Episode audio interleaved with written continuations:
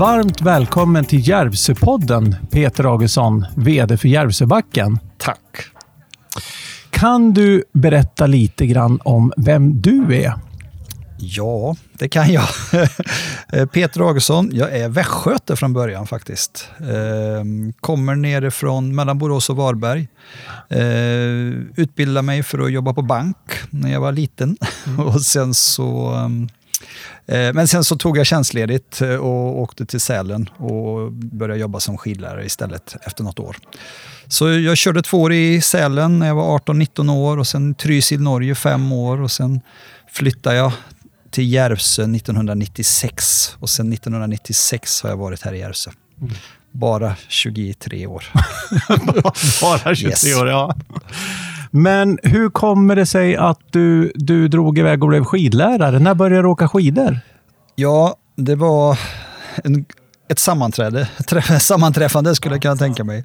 Nej, men det var så här faktiskt. Min pappa sprang ett motionslopp eh, nere mellan Borås och Varberg där, som hette Örbymarschen. Mm. Och eh, då släppte han förbi, på upploppsrakan släppte han förbi min eh, mellanstadielärare. Eh, så han blev plats nummer 37 på den här Örbymarschen. Mm. Eh, istället för plats 36 som han skulle bli. Men på plats 37 lottades sedan ut en resa. Och den, det var ett mm. presentkort på en resa till Åre. Mm. Och då hade jag åkt skidor jättelite och min pappa lite grann. Och, ja, och jag var 10-11 år kanske, så då föreslog han att jag och han skulle åka upp till Åre då, på skidsemester. Och det gjorde vi. Eh, 90 mil i bilen, rätt upp bara. Och sen så eh, fick jag gå på något som hette Klubb 13 där uppe. Då fick man gå i skidskola hela dagarna och så var man, gjorde man grejer med dem på kvällarna också. Och det var min hittills mest fantastiska vecka i livet, kommer jag ihåg. Alltså. Så jag varit så helt inspirerad och tänkte att ja, men det, här är, det är det här man ska göra, liksom, åka mm. skidor. Ja. Och, och, då, och då var det så här att eh, man har ju, jag vet inte om du hade en sån här bok, Mina vänner-bok hade jag mm. när jag var mm. liten. Man skrev i, i, och då fick man skriva bästa filmen, bästa låten och ah, allt sånt där. Okay, så man ja, delade ja. runt det. Ja, och, då, och då eh, skrev jag det i min Mina vänner-bok när jag kom hem, kom ihåg att jag skulle bli skidlärare när jag blev stor. För det var, det var min dröm då. Och det höll du kvar liksom? Ja, men det höll kvar. Det var, så var det. Vi åkte efter att ha varit i Åre en gång då, det, vi bodde ju som sagt var nere på västkusten. Och, och, men man åkte, jag började åka skidor lite grann, de där få veckorna som gick att åka, när man var 10, 11, 12 år där då. Och sen så sen fick vi med oss eh, resten av familjen också upp. Mm. Så åkte vi till Åre ett år till vet jag och sen så åkte vi en vecka per år till Sälen sen då. Och gjorde det. Eh, när jag var 15-16 år vet jag, jag gick mycket skidskola också då. Och då frågade jag den skidskolan på Sälenstugan i Sälen, en av Sälens områden som angränsar till Lindvallen. Så mm. frågade jag helt enkelt om jag fick praktisera i skidskola. Eh, hos Ulf Ruder hette skidskolechefen. Okay, ja. Och, ja, men det fick jag ju. Så då gjorde jag det. När vi var uppe med mamma och pappa på semester så praktiserade jag i skidskolan. Och sen nästa år så var jag sådär, ska jag åka med upp till Sälen i år igen? Ja, men då ringde jag före. Får jag praktisera den här vintern också? Den här veckan? Ja, det får du. Ja. Och då, då, liksom, då kände jag, då kom jag in i gänget, då var jag 17 år. Då var det, då var det fantastiskt att vara där uppe. Och då, då frågade jag, får jag börja jobba nästa vinter? Och då sa de, ja men skicka en ansökan så får vi se då. Ja. Och ja, men på den vägen är det faktiskt. Sen så, jag, jag tyckte det var det mest fantastiska jag hade gjort och då, då, började jag, då utbildade jag mig för att jobba som skidlärare. Mm. Och, och det, det, har jag gjort sedan dess i stort sett. Så, sen så följde jag, ja, jag, jag har haft tur kan man säga. För min pappa hade en målarfirma så jag, och, och jag utbildade mig för att jobba på bank. Så jag jobbade på Föreningsbanken mm. nere i, i, på västkusten. Då. Ja. Eh, och Alltså jag hade jobb att falla tillbaka på, men ändå till slut fick man ju välja. Liksom, ska du jobba säsong eller ska du... Ja, men jag valde att jobba säsong. Ja. Så, så det var två år i Sälen och fem år i Trysil i Norge. Då. Eh, och som, som jag sa innan där, sen så hamnade jag i Järvsö efter det. Då. Men ja, det har varit, skidåkning har varit eh, en stor del av mitt liv Ja, det förstår jag. Vad va, va kul. Din familj då? Pappa, blev han lika fast och, och de andra? Eller var det bara du som kände liksom att det här är min grej? Nej, men alltså de åkte ju också. Min lillebror och min lilla syster och min lillebror har jobbat som skidlärare i massa år också. Min lillebror vet jag, han gjorde tio vintrar på fem år. Han körde fem år i Sälen på, ja, på, som, eller på vintern i Sälen och då körde han ju då juni till september i Australien. Och, okay. Så då vart ju tio vintrar på fem år. Så sen vart han nöjd med vinter så han är fysioterapeut nu istället. Ja. Så, men, jag, nej, men jag har kört vinter på vintern och, och nej, jag, ja. jag gillar det fortfarande. Ja, ja. Vad härligt. Finns det någon, någon skidanläggning då som du känner att, eh, som är lite extra speciell, som du gillar?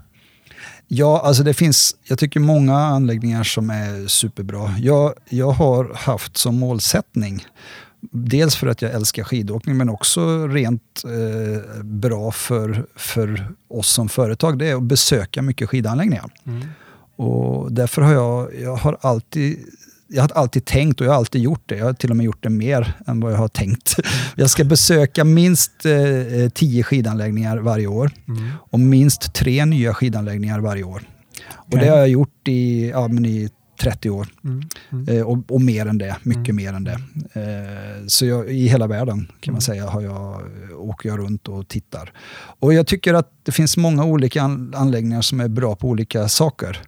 Men, men nere i, ja, ja, i, i Whistler i Kanada är ju en fantastisk ort på vintern. Mm. Men nere i Alperna, området runt Sankt Anton och Lech och Syrs och Zug mm. tycker jag är min favorit eh, okay. som, som året runt-anläggning skulle ah, jag säga. Ah. Där, där har de kommit långt med, med de där delarna. Så ja, det, det, tycker jag är bra. Tar du med dig någon inspiration från de här anläggningarna tillbaka hit till Järvsöbacken? Ja, men alltså det känns ju, alltid när jag är ute och reser så får man ju massa, massa intryck. Mm. Och det är ju det som formar det vi gör här i Järvsö också. Mm. Sen så, sen så, våra barn nu är ju 14 och 18 år. Mm. Så de börjar komma ifrån vår målgrupp. För ah, vår okay, målgrupp ja. är, ju, är ju lite mindre barn kan man säga. Ja. Två vuxna och tre barn som bor i Mälardalen ah, är ja, Järvsöbackens ja, eh, tydliga motto. Det är de vi jobbar mot. Som ska komma och åka skidor söndag, torsdag eller torsdag, söndag. Okay. Så det har varit vårt fokus sedan 1996 kan man säga. Mm. Två vuxna, tre barn som bor i Mälardalen som ska komma och åka skidor hos oss. Då. Mm. Men eh, nej men det, jag tar med mycket inspiration och, och framförallt både från resorna men framförallt från våra gäster mm. eh, som är här på plats. Det är ju de som har utvecklat vår anläggning här de senaste åren. Eller ja, alla år. Mm. Du är ju VD för Järvsöbacken. Hur, hur kändes det när du tog över, när du fick den posten? Ja, men det var, det var spännande kommer jag ihåg. För jag vi var ju i Trysil, Norge, jag och Ann då, eh, min fru, och jobbade 1996. Då, då hade vi varit i Trysil i många år, då, i fem år. Och vi ville hitta ett ställe där vi kunde vara hela året. Och för mig, alltså Trysil och Sälen och Åre, där jag också har varit förut med jämna mellanrum, är fantastiska ställen på vintern, eller var fantastiska ställen på vintern, men det var väldigt dött på sommaren. Mm. Och Järvsö var redan då, tyckte jag, eh, betydligt mer, det var mer att göra på sommaren och låg mer centralt för mig för att jobba med skidåkning. Mm. För alltså, jag hävdar ju med en dåres bestämdhet att vi bor supercentralt här. Jag har liksom tre timmar till Åre, två till Vemdalen, tre till Funäs, tre till Idre, tre och en halv till Trysil, tre till Sälen. Ja. ja och tre till Stockholm. Ja. Så det ligger centralt för mig som jobbar med skidåkning och, och har nära till mycket. Liksom.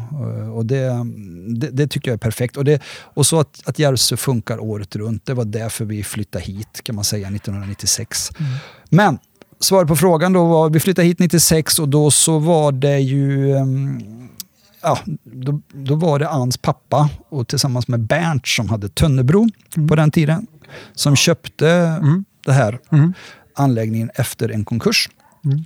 Uh, och eh, då frågade Bernt och Dick då om jag och Ann ville flytta hit och börja jobba. Mm. Det gjorde vi. Och mm. då hade jag hand om skidskolan och skiduthyrningen som låg här i källaren. Mm. Och Ann hade hand om restaurangen och eh, reception om man säger så. Då. Och, eh, så egentligen har vi väl fått, från 1996, mm. Fått varit med och bestämma och tyckt och tänkt mycket. Liksom. Mm. Sen så i ja, runt 2006, tio år senare, då, så skulle Bernt sälja Tönnebro och då hade vi också möjlighet att köpa ur han ur Järvsöbacken, ur det bolaget. Och I anslutning till det då så tog jag över som VD. Mm. Och då gick min svärfar Dick då i pension. Ja. Mm. Så, så, ja, så då tog jag över som VD 2007. Då, mm. på, och egentligen, det var inte någon stor grej, utan vi egentligen fortsatte så som vi hade jobbat. Vi har ju drivit det här som ett familjeföretag sedan 1996. Så, okay. mm. så, men det var bara på, ja, på pappret så mm. kom vi in sedan 2007. Då.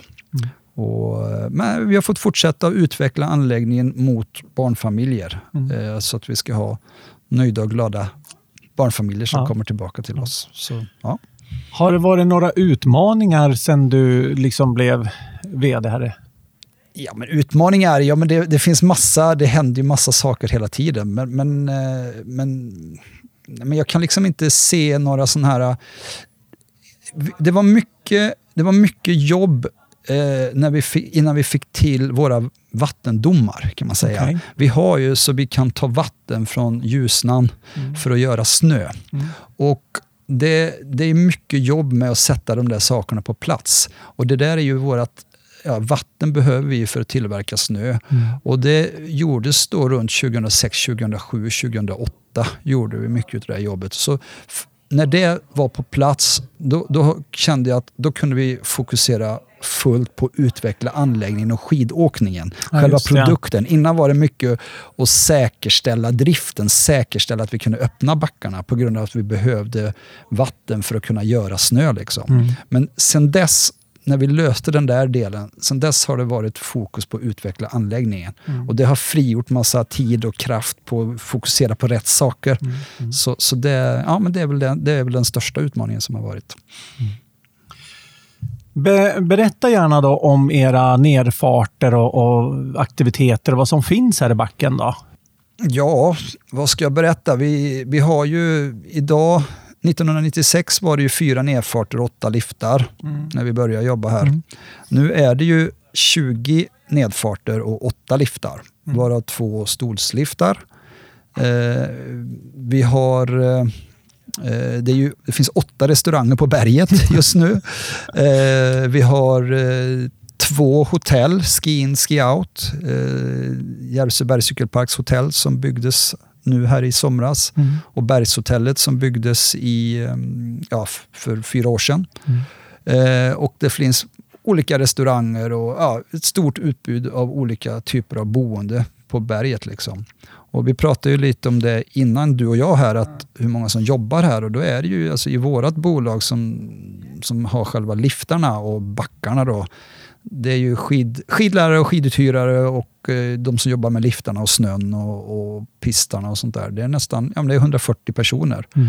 Och så tillkommer ju de här bolagen, då, de andra bolagen och alla våra samarbetspartner på berget. Då, mm. då är det ju ytterligare en 150 personer som jobbar. Mm. Så det är mycket ja, mycket, många som jobbar här eh, under vintertid då framförallt. Men även på sommaren såklart, men, men framförallt på vintertid. Då.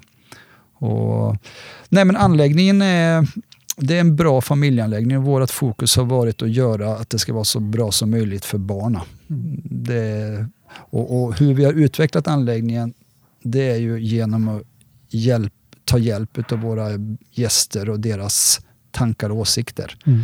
Så ja, det är en kort beskrivning av anläggningen. Ja, ja, ja. ja, jag förstår det. För det är ju lite tävlingar och grejer. Ni, eh, I våras här så var det ju någon K2-tävling där de var otroligt duktiga när de flög och hoppade här. Mm. Är det mycket sådana aktiviteter? Ja, alltså jag skulle säga vi försöker ha evenemang, någon typ av evenemang varje helg, om det är möjligt, på vintertid. Då. Mm. Eh, och vad ska man säga, det är viktigt för oss att det händer saker varje helg. Eh, det är viktigt att hänga upp alltså hur det än är, om, om, om, våra gäster vet att det händer någonting, då finns det en reseanledning varje helg. Mm. Vi har ju de här som kommer över dagen som bor i närområdet, mm. men, men, våra gäster kommer ju oftast eh, från Mälardalen som sagt var och kommer upp och stannar lite längre tid. Mm. Men sen behöver vi också de här då som bor i Hälsingland, mm. som, som kanske besöker någon som bor i Hälsingland eller som bor i Hälsingland som kommer över dagen och de når man ju med evenemangen mm. eh, för att liksom locka upp dem på helgerna. Då. Och, och, det har varit, ja, vi, vi, har som strategi att försöka kunna ha ett bra evenemang varje helg hela vintern mm. som liksom vi kan hänga upp marknadsföringen på. Eh, och ja, också att det ska vara roligt att jobba här liksom, och roligt att besöka oss. För många av evenemangen är det många som tittar på, men, men de kanske inte deltar i dem. Men halva grejen är att kunna känna att det händer saker liksom, på mm. berget. Mm. Mm. Eh, det var en ganska stor händelse här för ett år sedan och det var den här nya liften.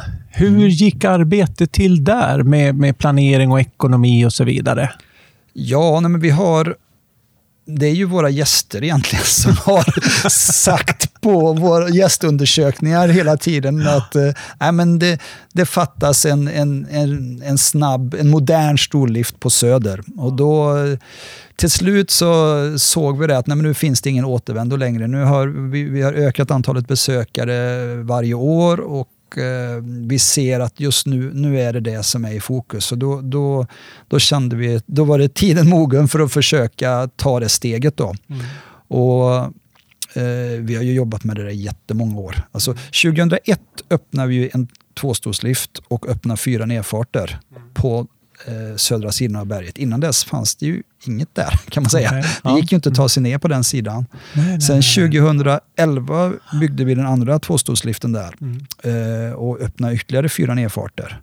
Och sen så 2015 vart ju Bergshotellet mm. och eh, där byggdes ju hotelliften också där och det vart ju lite mer skidåkning där och ett mm. nytt barnområde. Då kom jag ihåg att fokus var på barnområdet, att det var för trångt i barnområdena. Så nu har vi två bra barnområden, ett på norr och ett vid Bergshotellet. Då. Mm. Eh, men, men då 2016-2017 var det mycket att ja, men vi, vi behöver ha en, en modernare lift som tar dig upp snabbare på berget. Mm.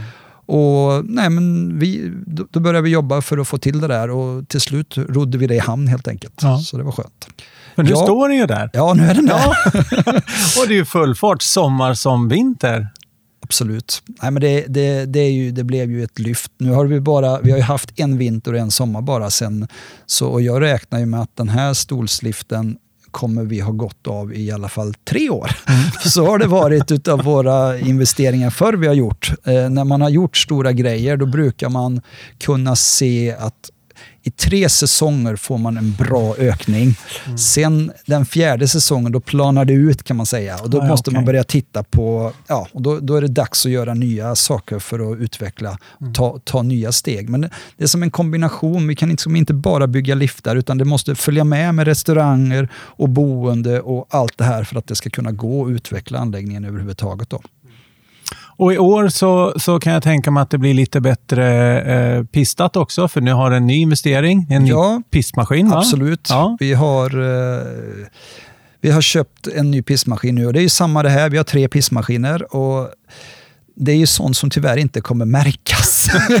Nej, men det, det, märks ju väldigt tydligt om inte pissmaskinerna fungerar. Ja. Då blir det inget bra alls. Ingen Manchestermorgon. Nej, då är det ingen Manchestermorgon. Utan, eh, nej, men vi använder ju pissmaskinerna jättemycket. För dels nu då när vi håller på och gör snö och, och ja, och, och då, då, använder vi dem i att schakta ut all snö, för vi lägger ju snön i högar och sen så schaktas den ju ut kontinuerligt av pistmaskinerna. Mm. Och sen så går ju de här tre maskinerna då varje natt, mm. eh, hela nätterna nästan.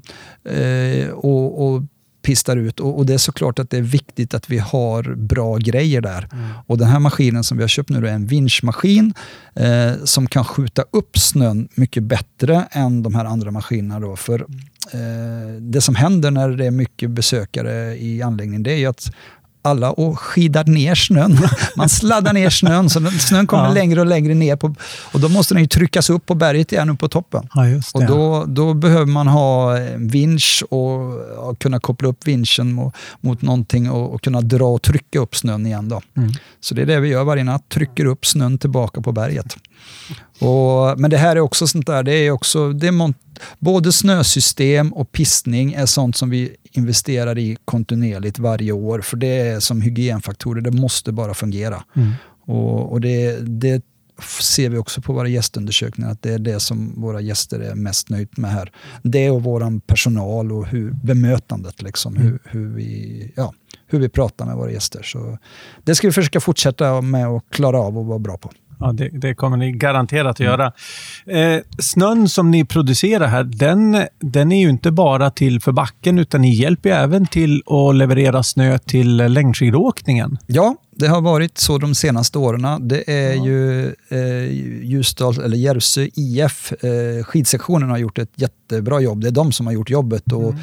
Tillsammans med Ljusdals kommun eh, så elljusspåret har eh, ju gjort, förut kunde man liksom inte pista och köra pistmaskin på det spåret. Nej, nej, nej. man kunde, det, var, det var för smalt helt enkelt. Men då var det frivilliga inom Järvsö IF som såg till att spåret breddades och, och sen så eh, har vi sett till att det finns snö. Mm. Och sen så är det frivilliga inom Järvsö IF som har ordnat finansiering för att flytta den snön från våran backe ut till längdspåret. Mm. Eh, och sen så pistas den med hjälp av våran maskin. Då.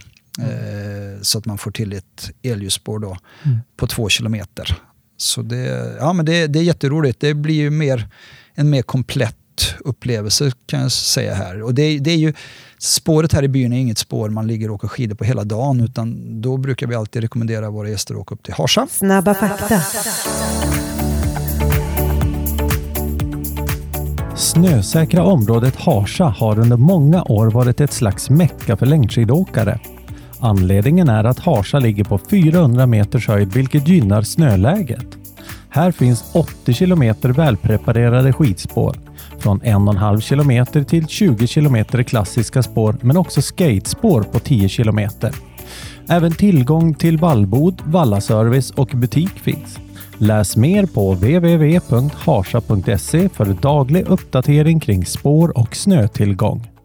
Men däremot om man ska träna en timme eller en halvtimme eller på kvällstid ta ett, ett litet motionslopp, då är det perfekt att slinka ner där. Eller om man har små barn som bara vill hänga på längdskidor, då är det ju perfekt och då kan föräldrarna åka ut för bredvid. Liksom. Mm.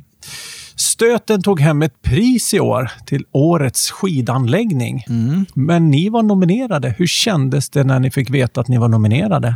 Nej, men det var häftigt. Mm. Det, var, det var kul. Det, vi, vi, man blir ju hur den är. Det är ju roligt att bli uppmärksammad på något sätt.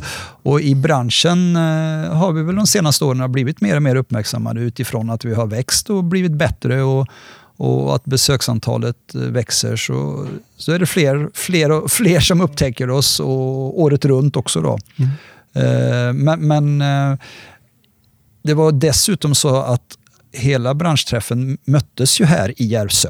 Så det var ju jätteroligt för att få visa upp, för det är ju, man blir glad och stolt att få visa upp anläggningen på vintertid. Då. Så de var ju här, hela gänget, liksom, hela branschen, hela Sveriges skidanläggningar var här på plats och titta. Och det var ju jättemånga som inte hade varit här förut såklart. Så, så det var en ära att vara, ja, att vara nominerad helt enkelt. Och, och sen så var halva grejen var att få visa upp Järvsö tycker jag, för dem också. Så det, det blir också, ger ännu mer eh, vad ska man säga, eh, status i branschen att, att, att de ser vad det är för någonting. För det, det är många som inte känner till Järvsö. Mm. Grattis till stöten såklart, men eh, kanske så är det ni som tar hem priset längre fram när det har utvecklats eller gjort något annat här. Nej, men jag hoppas ju, vårt fokus ligger ju hela tiden på att möta gästen och göra, se till att gästerna blir nöjda. Mm. Och det har jag sagt förut, men det tål ju att sägas igen att vår målsättning är ju liksom att göra det bättre hela tiden. Mm. Det, det är grejen. Och när saker och ting blir bättre, mm. då kommer det också växa. Mm. För då blir det naturligt. Men vårt fokus är hela tiden på att ha och bli bättre och bättre. Mm. Så det, det, är det vi jobbar för varje dag. Finns det någon statistik på hur många som besöker eh, backen en, en säsong? Ja, det Ja. finns det ju. Och det, det, är ju, det är ju. Vi tittar ju på hur många som går igenom våra vändkors. Då. Mm. Eh, och, och då ehm, det, har, det mäts det ju hela branschen och, och jämför på samma sätt. Då. Och det som mäts då just nu det är antalet skiddagar. Ja. Och det är ungefär samma som ett besök. Då. Så om en person besöker oss en dag, då är det en skiddag. Om samma person köper ett tre dagars kort, då, då är han här tre dagar och gör tre besök. Då är det tre, tre skiddagar. ja. Och sen så har man ett snitt eh, antal snittbesök på säsongskort som man räknar också och det blir också antal skiddagar. Då. Mm. Så med den modellen har vi räknat och hela branschen räknat i alla år och då ligger vi, eller ja, då har vi 242 000 skiddagar. Oj. Så det betyder att i snitt ungefär om vi har öppet 120 dagar eh, mellan, 100, uh, mellan 100 och 120 dagar brukar vi ha öppet. Förra säsongen 126. Mm. Det var jättemånga. Men då snittar vi nästan på 2000 besök per öppen dag i öppen anläggningen. dag alltså. Så det, det är härligt alltså. Det är häftigt. En toppdag här Ja. kan vi ha typ 4 500 besök. Eh, jag skulle säga att det fungerar väldigt bra upp till 3 500 pers här i Mm. anläggningen. Då, då fungerar det jättebra. Sen blir det trångt. Mm. Men det, det är några dagar per år som det, det kan vara trångt. Och, då, och det är det vi, då måste vi försöka utveckla de dagarna och göra, bli ännu bättre. Då. Men det är, de, det är de dagarna vi lever för. Vad härligt. Vad, vad kommer ni att göra nu då eh, inför vintern här? Nu är, har ni ju inte öppnat än. Hur ser det ut här i skidshoppen och sånt där? Börjar ni sälja liftkort och sånt nu? Precis, Nej, men det är ju, idag har vi ju den 27 november då, och då är det ju fantastiskt vinterlandskap ute. Igen! Ja, snön har kommit. Tredje, ja. fjärde gången tror jag. Och nu brukar den ligga, när den kommer nu, då brukar den ligga kvar. Men, nej, men det, det är fantastiskt. eh, Och viktigt för oss såklart. Vi, vi säljer säsongskort på halva priset till sista november. Så Okej. då är det klart att det är jätteviktigt för oss att det blir vintrigt och, och f- vackert ute nu här eh, de sista dagarna här. Då är det många som kan få som får en liten påminnelse. Ja, just det, det var ju det också. Det blir vinter i år också. Sen så, sen så har vi ju, alltså snökanonerna kommer ju sättas igång här och, och prognosen ser ju väldigt bra ut här för att kunna göra en öppning här i december månad. Eh, och, och det är ju det vi jobbar för nu för fullt. Då. Nu är det lite för tidigt ändå att s- kunna säga någon datum. Mm. Men vi är ju nära öppning, så, så är det ju. Så det, det känns ju fantastiskt och det är ju en så härlig förväntan nu. Eh, vi, har, vi har utförsäljning här har vi haft i shop och hyra och det har vi också till och med lördag här nu den 30 november som är sista dagen man kan komma upp och, och, och titta på det där och samtidigt som man kan komma hit och köpa kort. Då. Men annars så ser vi fram emot att snökanonerna ska få jobba och att vi ska få ha kvar det här vackra vita Wonderland. på, nej, men det, blir, det är en härlig känsla nu att gå ut. Liksom. Ja, det, det är roligt. En härlig tid. Ja, men visst är det det. Och snökanonerna, de gick ju igång dagen efter som, som cykelparken stängde. Ja, det var häftigt. Det var ju alltså snökanonerna stod redo på kvällen den 3 november. Cyklingen stängde klockan 15.00 den 3 november och klock, den, klockan 6 på morgonen den 4 november körde vi igång snökanonerna. Och det är ju unikt, det har aldrig hänt liksom. Så det, det var häftigt. Ja, Mm, ja. Säsongerna går ihop. Ja. Mm. ja, det kan inte bli bättre än så.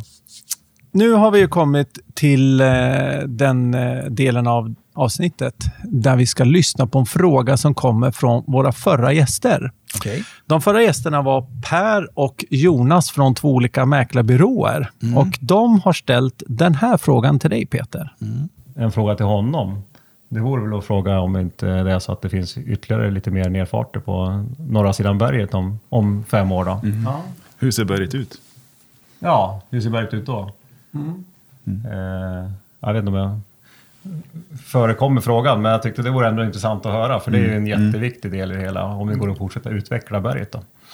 Även om, man har, om det, även om det är en vision eller en, en, ja, en, plan, en plan helt enkelt. Vad, vad, vad, eh, vad kommer att skapas? Ja. Alltså, ja, några fler nerfarter på norra sidan om fem år. Ja, Kan det vore det- ju fantastiskt. Ja, Ja. finns det någon sanning i det? Nej, men sanning, vi hoppas ju kunna utveckla berget på, på ja, och, och göra fler nedfarter. Det är ingenting, det, det, det gör vi och, och det, det är det vi jobbar för. Sen hur lång tid det tar, det är ju omöjligt att sitta och sia om. Men alltså att, att vi kommer fortsätta utveckla anläggningen, det, det, det, är det, det är det som är roligt, det är det som driver oss. Liksom. Och, och om man inte utvecklar, då, då, då blir det avveckling. Så, så är det bara. Så, så jag tror ju att, eh, att det kommer, eh, jag- jag ser framför mig att det kommer kunna gå att åka i fler nedfarter och fler liftar här på norra sidan i framtiden. Det, det är absolut klart. Det vore jätteroligt. Mm. Nu är det så här, nu ska ju du ställa en fråga till vår nästa gäst. Ja, Och eh, nu har vi ju ett eh, nystartat eh, charkuteri, Gulo Gulo. yes. Ja, så vad är det för fråga som du skulle vilja ställa till Niklas? Niklas Boniver, Gulo Ja, Gulo. precis. Ja. Ehm, ja du, den hade jag inte förberett mig på. Varför, hur kommer det sig att du har valt Järvsö som etableringsort för ditt charkuteri? Det var en jättebra det var fråga. en bra fråga? Ja, ja. det Spännande. jättebra. Va? ja. Eh, vad kul att få höra vad han svarar på det. Mm. Ja, verkligen. Vi brukar avsluta podden eh, med att fråga vår gäst eller våra gäster om de har något favoritställe Mm. och om det är Järvsö med omnejd. Okej. Ja, alltså, jag skulle säga Skidbacken? Ja, ja, absolut. Sydbranten. Stora skärande svängar i sydbranten. Alltså man sätter sig i nya sexstolsliften upp Ja. tidigt på morgon, morgon Manchesteråkning Ja. och sen åker man upp för på två minuter då upp till toppen och så är det vindstilla och så hör man vargarna yla från, eh, från zoo Ja. och så slänger man sig ner och kör storslalomsvängar ner för sydbranten. Eh, ja, det är, det är härlig känsla Det är det. vintertid. Sen på sommaren och vår och höst så gillar jag att springa i skogen. Ja, ja, ja. Och finns det många fina utsiktsplatser eh, runt omkring här som man når. Mm. Mina vänner och bekanta brukar reta mig för, för jag brukar alltid vilja springa upp på toppar där man kan se skidbacken. så, så, så det är så vi brukar jobba. Vi springer runt på berg runt omkring här där vi kan se backarna. Ja. Så nej, men det, det är väl min favorit eh, övriga tider på året. Ja. Peter, det har varit jätteroligt att ha med dig i Järvsöpodden. Tack, det var roligt att vara med. Tack själv.